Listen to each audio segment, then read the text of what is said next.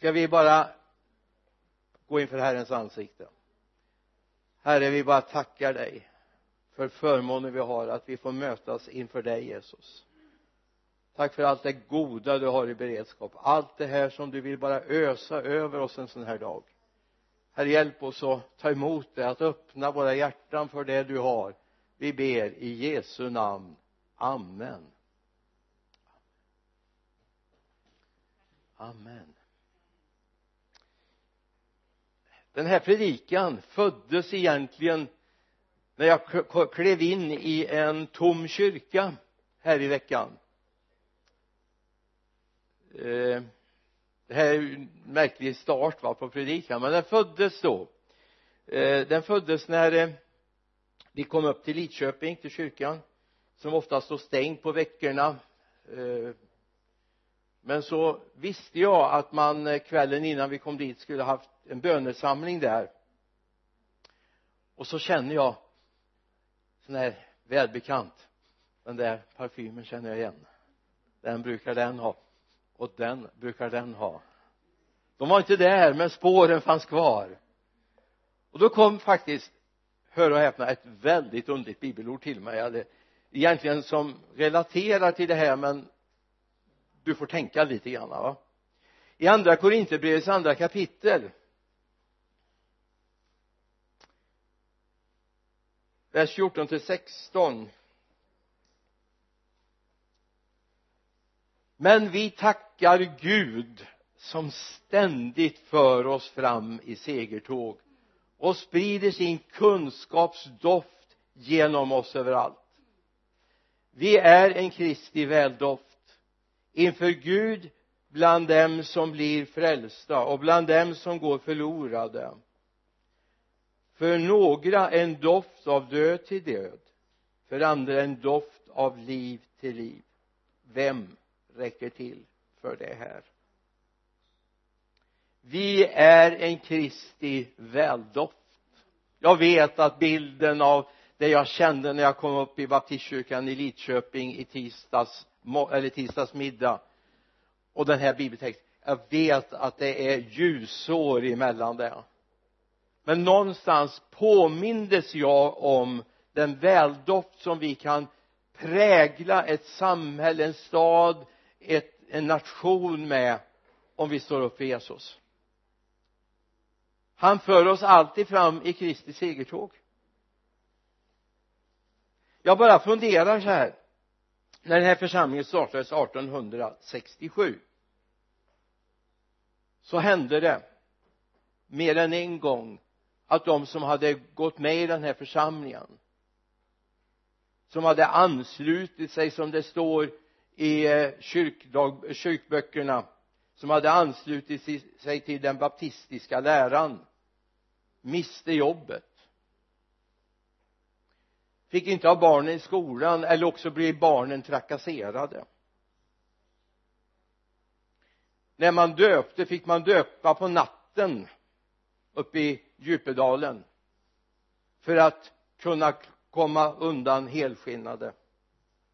I min hemort Mariestad bildades en församling 1884 tre personer döptes när man gick hem från dopförrättningen ute på Ekudden in till stan igen för man skulle fira Herrens måltid. Gick man över någonting som heter Marieholmsbron. Där stod folk och kastade sten på dem de hade varit och sett vad de har gjort. Och det fanns inga myndigheter i världen som skulle hjälpa dem. De fick ju skylla sig själva. Och då kan man tänka så här var de här losers? Var de här förlorare? Bara titta dig runt omkring. De gick i Kristi segertåg. Därför sitter du och jag här idag va? Därför möts man i min hemförsamling Korskyrkan i Mariestad idag till gudstjänst fler än någonsin. Ibland kan ett motstånd, ett motgång i ett kort perspektiv se väldigt, väldigt illa ut. Men får vi lite perspektiv så ser vi. Vi går i Kristi segertåg och så sprider vi en väldoft en doft av liv till liv. Okej? Okay?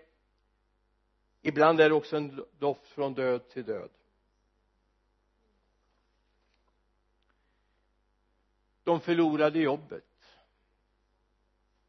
De hotades för sin tros skull. Barnen fick sluta skolan. Och så skulle jag kunna räkna upp det ena efter det andra. Jag tjänade en församling uppe i Dalarna för många år sedan som på 1800 början av 1850-talet grundades en av de första baptistförsamlingarna utanför Halland. Där fick barnen till de som hade anslutit sig till den baptistiska läran som det står i noteringen. Sluta skolan omedelbart men de trogna kämparna de som inte satt i Falun i fängelse eller på häktet de ordnade med skola själva.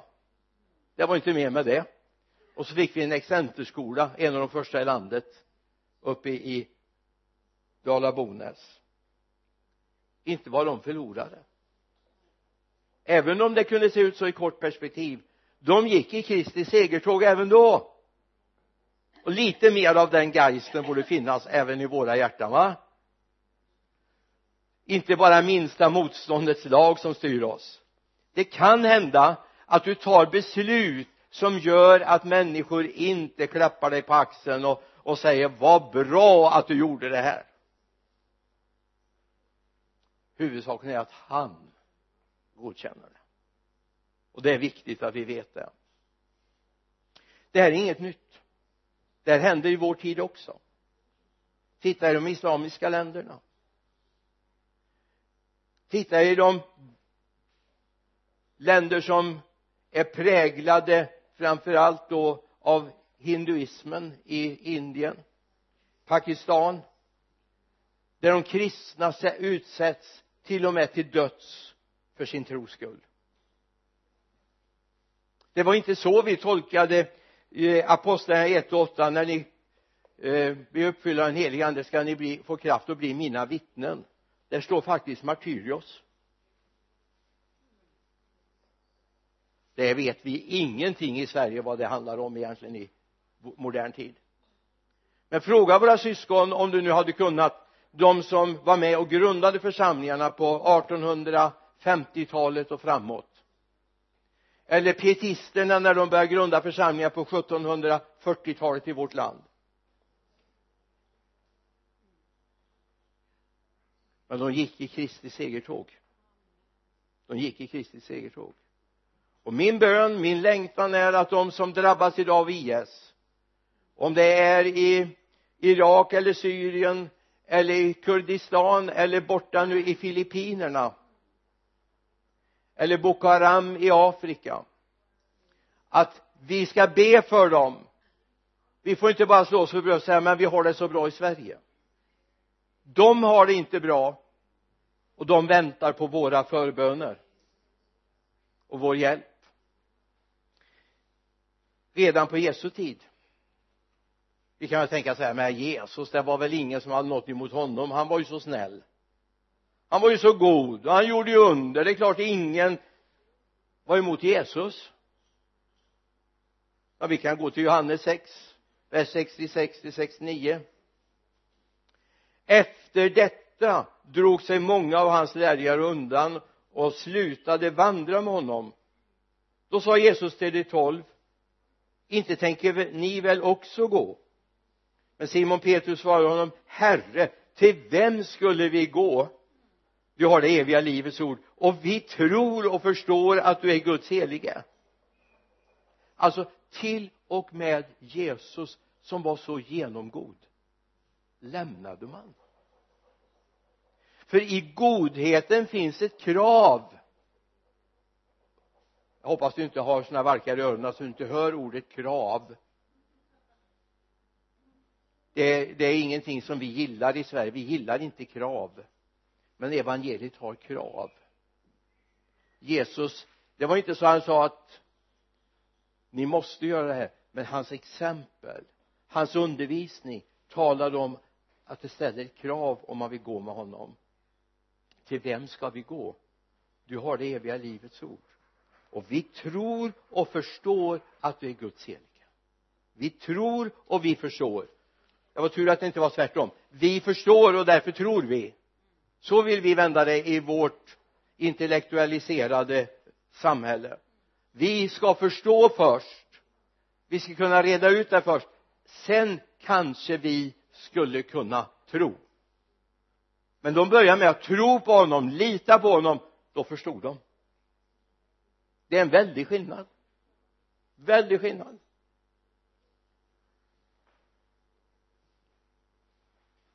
När vi kommer till Jesus så har han fört oss från döden till livet. Från mörkret till ljuset, från hopplöshet till hopp. Det finns i evangeliet. I Johannes 5, 24 Jesus säger sanning, eh, jag säger sanningen säger Jesus den som hör mitt ord och tror på honom som har sänt mig har evigt liv. Han drabbas inte av domen utan har gått över från döden till livet. Och om vi ser på det uppdrag Paulus hade när han står inför kung Agrippa du har det i apostlagärningarna 26 så berättar han vad uppdraget var. Det var inte bara det här att gå omkring och vara snäll nu. Klappa människor medhårs och säga aldrig någonting emot dem. Vi skulle kunna tro att det är det kyrkan det budskap man har idag men det är inte det Paulus hade och det är inte det vi har heller. Så här säger Paulus själv när han återger det här? Och jag ska rädda dig från ditt eget folk och från hedningarna. Jag sänder dig till dem för att öppna deras ögon för att vända dem från mörker till ljus från satans makt till Gud så att de får syndernas förlåtelse och en plats bland dem som helgats genom tron på mig för att öppna deras ögon för att vända dem från mörkret till ljuset från satans makt till Gud. Alltså det första kanske vi kan köpa. Från mörker till ljus. Ja men det låter ju väldigt positivt, eller hur va? Är det mörkt någonstans så är det väl underbart om man får tända ett ljus. Men så stod det någonting mer. Från satans makt från satans makt till Gud det fanns ingen mellanstation. Mängder av människor, goda teologer har försökt att hitta en mellanstation. Nej men var det ingenting emellan? Endera satans makt eller Guds makt. Däremellan finns inget. Och jag bestämmer själv vad jag vill vara. Paulus uppdrag var att vända deras hjärtan från satans makt till Gud det är ditt och mitt uppdrag också. Precis som när en spårvagn kör så gör den inte utan att den har kontakt med ledningen. Men vet inte om du har sett det? De här byglarna uppe på vagnarna som har kontakt med kontaktledningen va? Tar man ner dem så förlorar de kraften direkt. Finns ingen egen motor i dem. Så är det med oss om vi ska kunna fungera som Guds tjänare så måste vi dagligen, stundligen, minutligen, sekundligen ha kontakt med ledningen. Alltid. Låt mig bara få av eller avliva en myt. Alltså vi, vi, är, vi är så fulla av myter att vi ska åka och fylla på i konferenser och så vidare vi är inte batterikristna. Vi är inte uppladdningsbara. Men vi är kontaktbara från Gud. Det är en väldig skillnad. Alltså vi måste ständigt ha kontakt.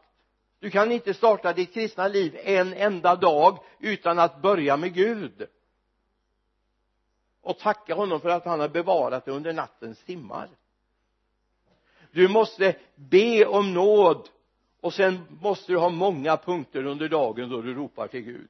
Och det går att göra på jobbet, det går att göra på fikapausen. Det betyder inte att du behöver knä, knä eller böja knä och knäppa händerna och blunda för att be. Du kan faktiskt be med öppna ögon, ja men det vet ni va? När jag undervisar om förbön så undervisar jag alltid om nödvändigheten att titta på den man ber för.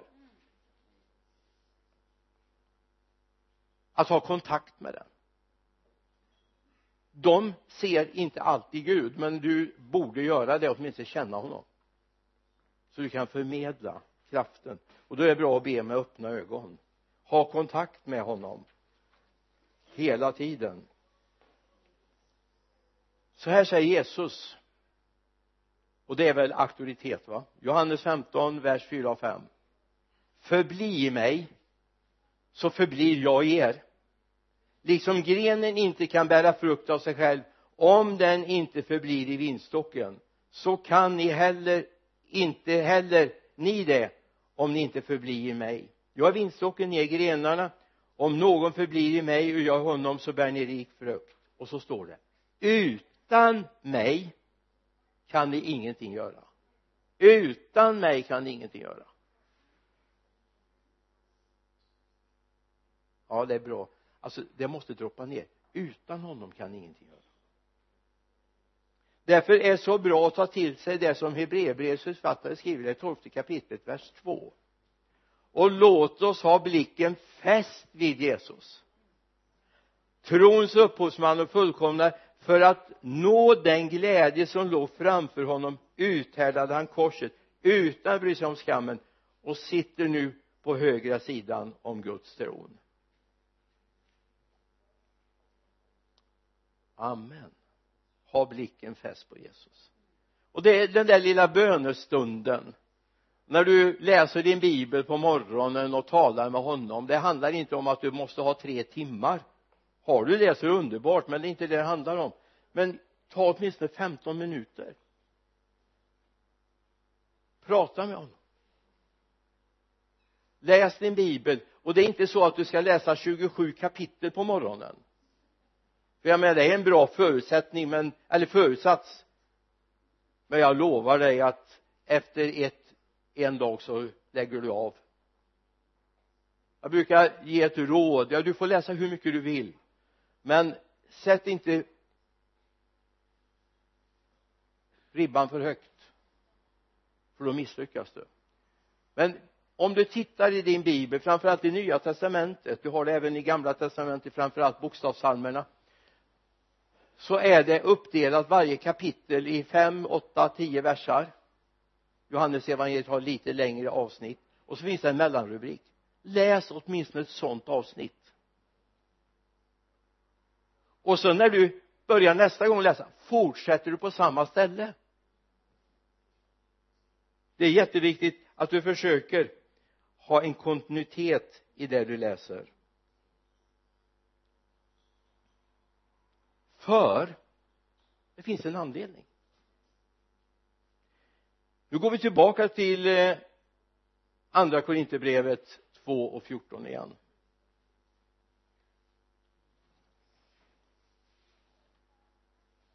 Jag vet inte, jag har skrivit första korinterbrevet men det, det blev fel. Det ska vara andra korinterbrevet 2 och 14 men vi tackar Gud som ständigt för oss fram i Kristi segertåg och sprider hans kunskapsdoft genom oss överallt. Två ord jag vill bara att du fastnar vid va? Ständigt och överallt.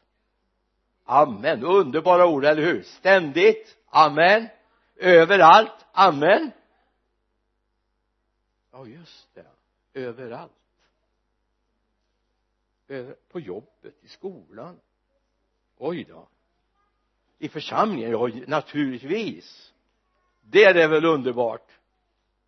Och ständigt ständigt ständigt ständigt. Alltså du ska inte ha två naturer du ska inte ha två personligheter utan du ska ha en personlighet. Du ska vara en genuin kristen rakt igenom då är det ständigt samma. Du är likadan i församlingen som det är på jobbet som det är bland kompisarna du är i familjen. Du är samma person därför samma Guds ande som bor i dig. Eller hur? Eller hur? Ja det är bra. Ja, jag har varit lite orolig här. Tänkte jag kanske får köra om en gång till.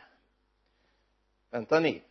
Ni vet vad del mådde när han hade predikat samma predikan 25 söndag så kom de fram och frågade men del det, det finns ju mer Guds ord. Och visst det vet jag. Så kör han 26 och 27 söndagen också samma. Och så, men varför? Ja, jag gör det tills ni gör det sa han. Ja. Det ord som används här om Kristi segertåg lyssna det här är hämtat från antiken. Det är hämtat från när någon härförare eller kung hade vunnit ett slag.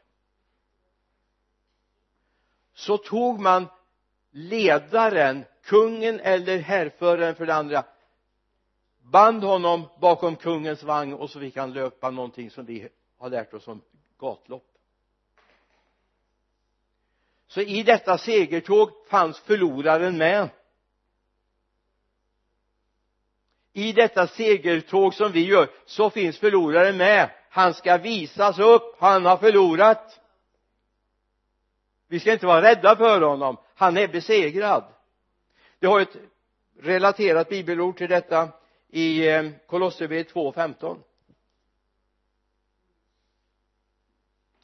det står det om att han har avväpnat härskarna och makterna och gjort dem till allmänt åtlöje när han triumferade över dem på korset. Amen. Så är du bara medveten om att du är befriad genom korset så är du med i hans segertåg.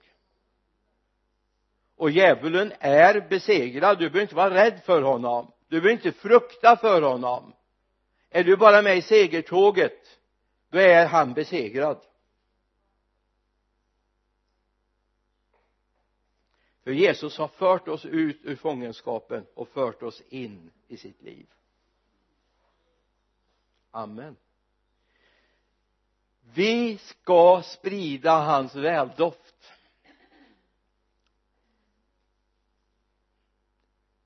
Låt mig få börja i andra ändan. Så här. För det är ju så här när vi kommer hem om man varit borta så kommer man hem till bostaden eller när jag som grabb hade lämnat föräldrahemmet och drog iväg studerade. Och så kom man hem. Då var det något bekant man kände igen. Man kände den där hemluften va? Man kände att man hörde hemma. Har du känt det någon gång? Yes nu är jag hemma.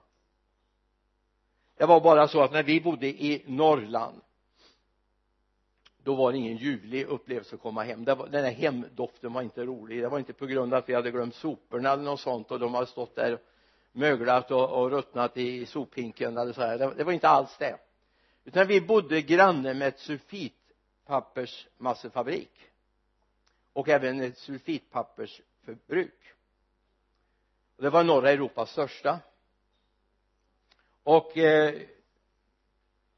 ja vi har ju uppe i Dalsland har vi ju det och vi har det uppe i Värmland i Bäcke mm. Bäckefors heter det nog ja precis. Det är så här man stänger alla fönster i bilen alla ventiler stänger av fläkten när man åker igenom. Det är bara att har man varit borta 14 dagar från sitt hem sommaren och där fabriken går för fullt och vinden har legat på. Då fick man försöka ta sig in. Öppna fönstret. Dörrar. Garderober.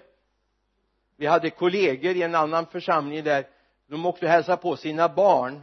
När de kom med sin koffert och öppna med kläderna i så sa de ni får inte ta in det här ni får hänga det ute. Men det är undantaget det normala är att man känner yes nu är jag hemma. Här trivs jag. Det är mina dofter. Det är någonting som är väldigt gott att få uppleva hemkänsla. Vår uppgift det är att låta den väldoften som finns i Guds församling sprida sig. Och väldoft är kanske inte alltid det jag känner i näsan utan den känsla jag kan få jag minns jag tror det var 94 eller 95 jag har hållit på rätt länge. Så står en man nere vid den dörrposten innan vi hade tagit bort de här dubbeldörrarna där lutar sig in en fredagkväll. Vi hade haft ungdomssamling från Salemkyrkan då. Det måste vara ännu längre det måste vara tillbaka på 80-talet var det 88, 89 står han där och lutar sig mot dörren och säger här känns det som om bönen dryper ur väggarna. Det är en bra känsla. Det är en bra känsla. Och min bön är att det fortfarande ska vara så att det är det människor känner när de kommer in här. Här bor Gud. Här bor Gud. Vi är Kristi väldoft. Och det är inte bara genom att vi tar på oss eau de cologne eller någon parfym. Tvätta oss med rätt tvål. Utan det handlar om en Guds närvaro. Vår uppgift är att sprida Guds närvaron i det här landet. Men Paulus säger någonting när han skriver till församlingen i Galatien. Låt mig bara få lägga det som en bakgrund. Inte som ett exempel att så är det i den eller den församlingen utan så här var det i Galatieförsamlingen bara en kort vers Galaterbrev 5 och 15 men om ni biter och sliter i varandra se då till att ni inte slukar varandra. Det är hans korta koncisa sätt att uttrycka sig på. Se till att ni inte förstör er själva i det här.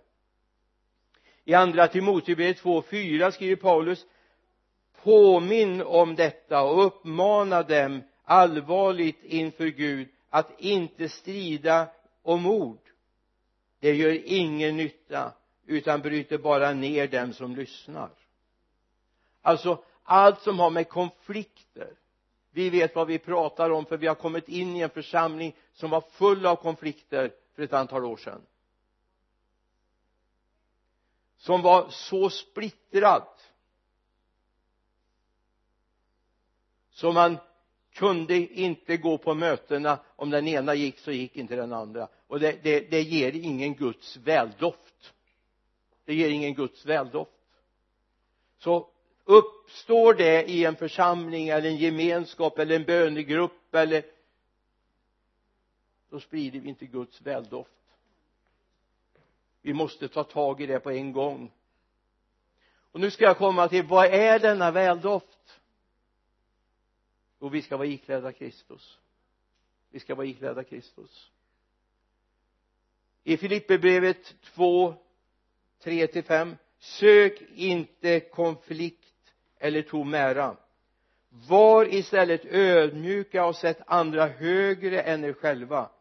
Se inte till ert eget bästa utan också andras. Var så till sinne som Kristus Jesus var och så finns en uppräkning hur han var se till. Se inte till ert eget bästa utan också andras. Jag har rätt.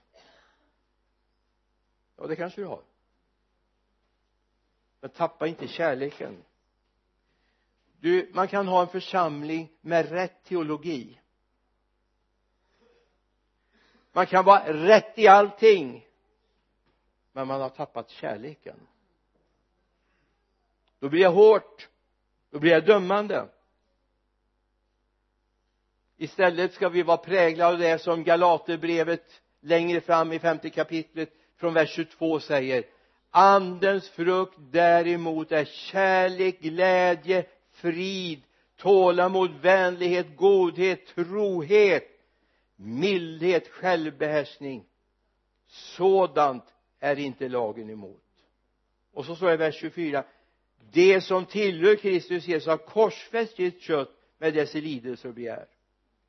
Om vi har liv genom anden låt oss också följa anden.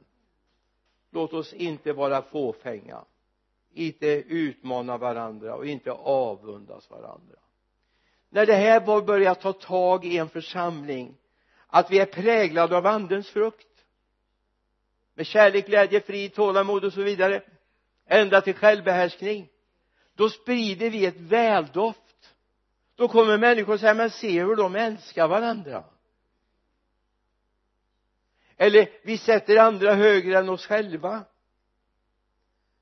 Då vänder vi på mycket av det som finns i den här världen. Vi ska inte vara präglade av världen utan världen ska bli präglad genom oss. Har vi tro för det? Ja det är möjligt. Jag ska säga dig att frikyrkorörelsen hade inte vuxit till i vårt land om inte de hade ändrat läget i landet. På 1850-talet 30, 40 och 50-talet höll på den här nationen på att supa bort sig. Det berättas om byar nere i Småland där man inte brukade jorden. Därför att man kom inte ut och kunde inte sela på hästarna.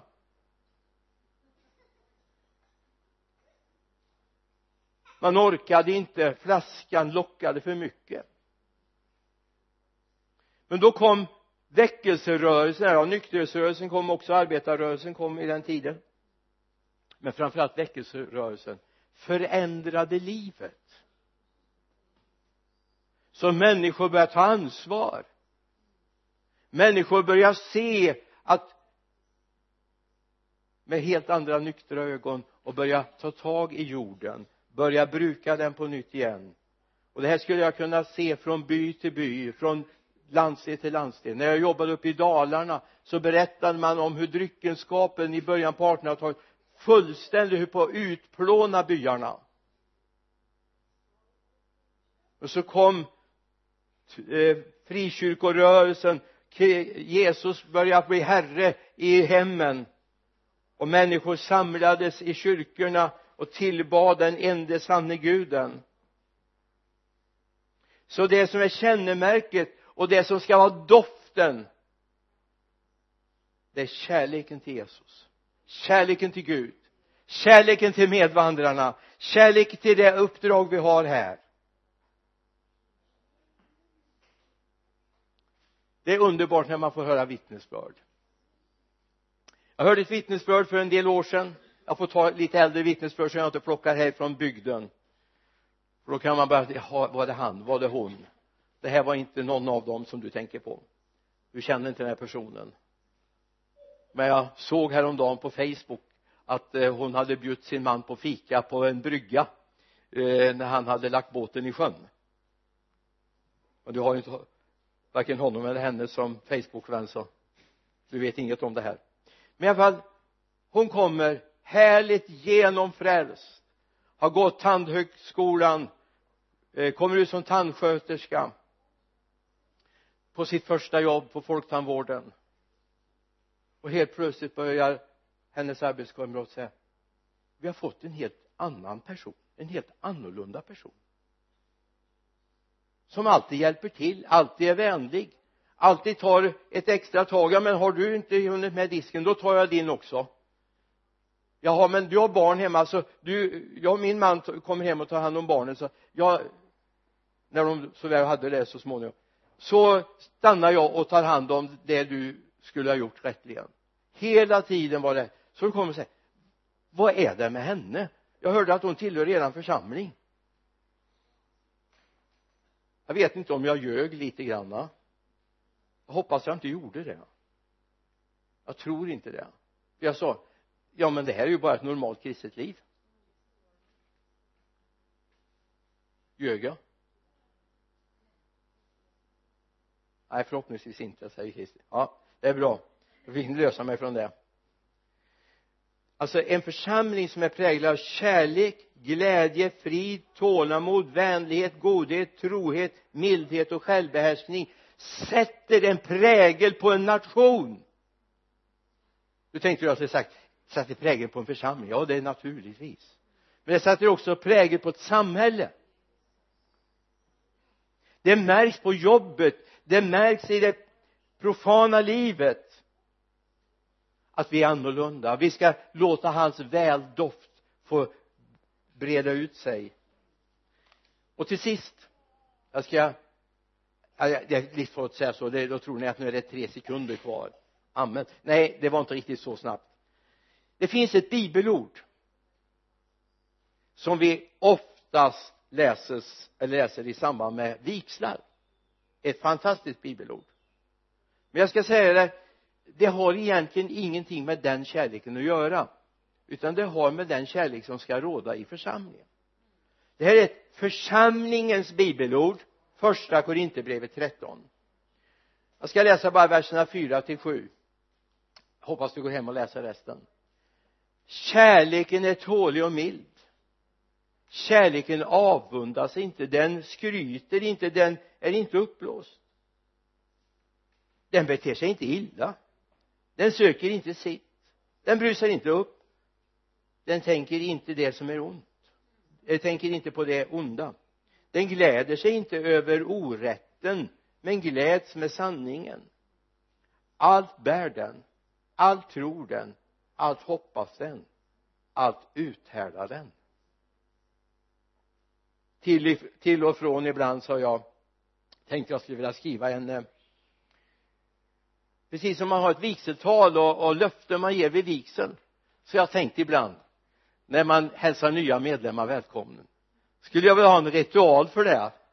Jag är inte så där jättemycket för ritualer egentligen men här. Där man får lova trohet. Inte mot församlingen utan mot Kristus. Och att den här kärleksprincipen från första Korinthierbrevet 13 får vara det allt annat överskuggande och det kan vi bara genom Kristus.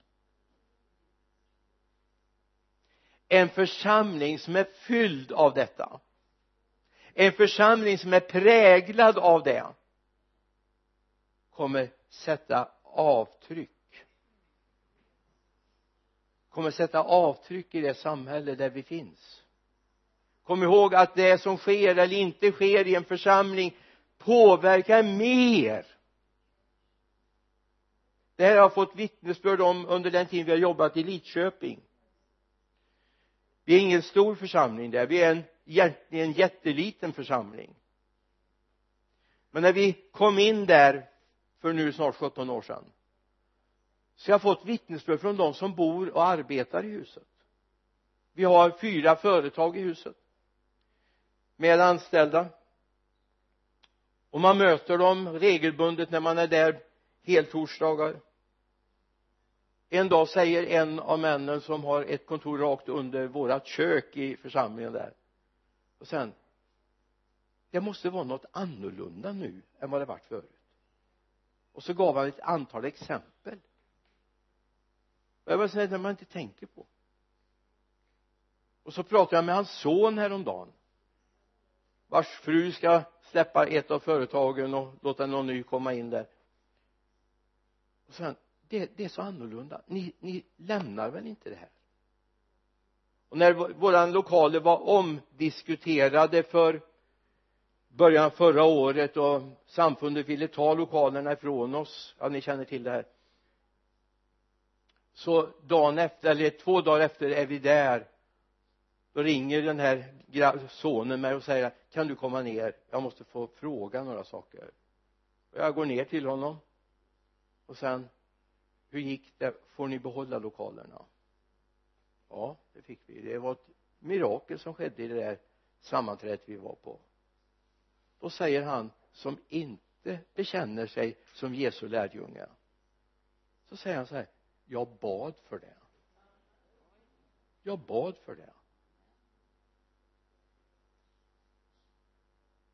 Vi kan få vara med och sätta avtryck. Vi kan få vara med och prägla vi kan få bli en sån församling. Vi kan bli en sån kristenhet i det här området som man känner yes, det vill jag ha. Jag vill ha det här. Ska vi be tillsammans? Herre vi vill sätta avtryck i den här stan i det här området. Vi vill herre att din härlighet ska få fylla oss. Och herre att vi sätter dig som prio ett i våra liv i allt herre jag ber för oss varenda en. Jag ber för dem som inte hade möjlighet att vara här idag också. Möt och välsigna dem i deras situationer. Herre jag ber för alla kyrkor och sammanhang i det här området. Herre låt oss få vara med och prägla den här stan. Inte backa ur. Inte tro att det är omöjligt. Vi tror att det är möjligt för du är större än det som är i världen. Prisat vare ditt namn. Välsigna oss också i avslutningen av den här gudstjänsten jag ber dig. Amen.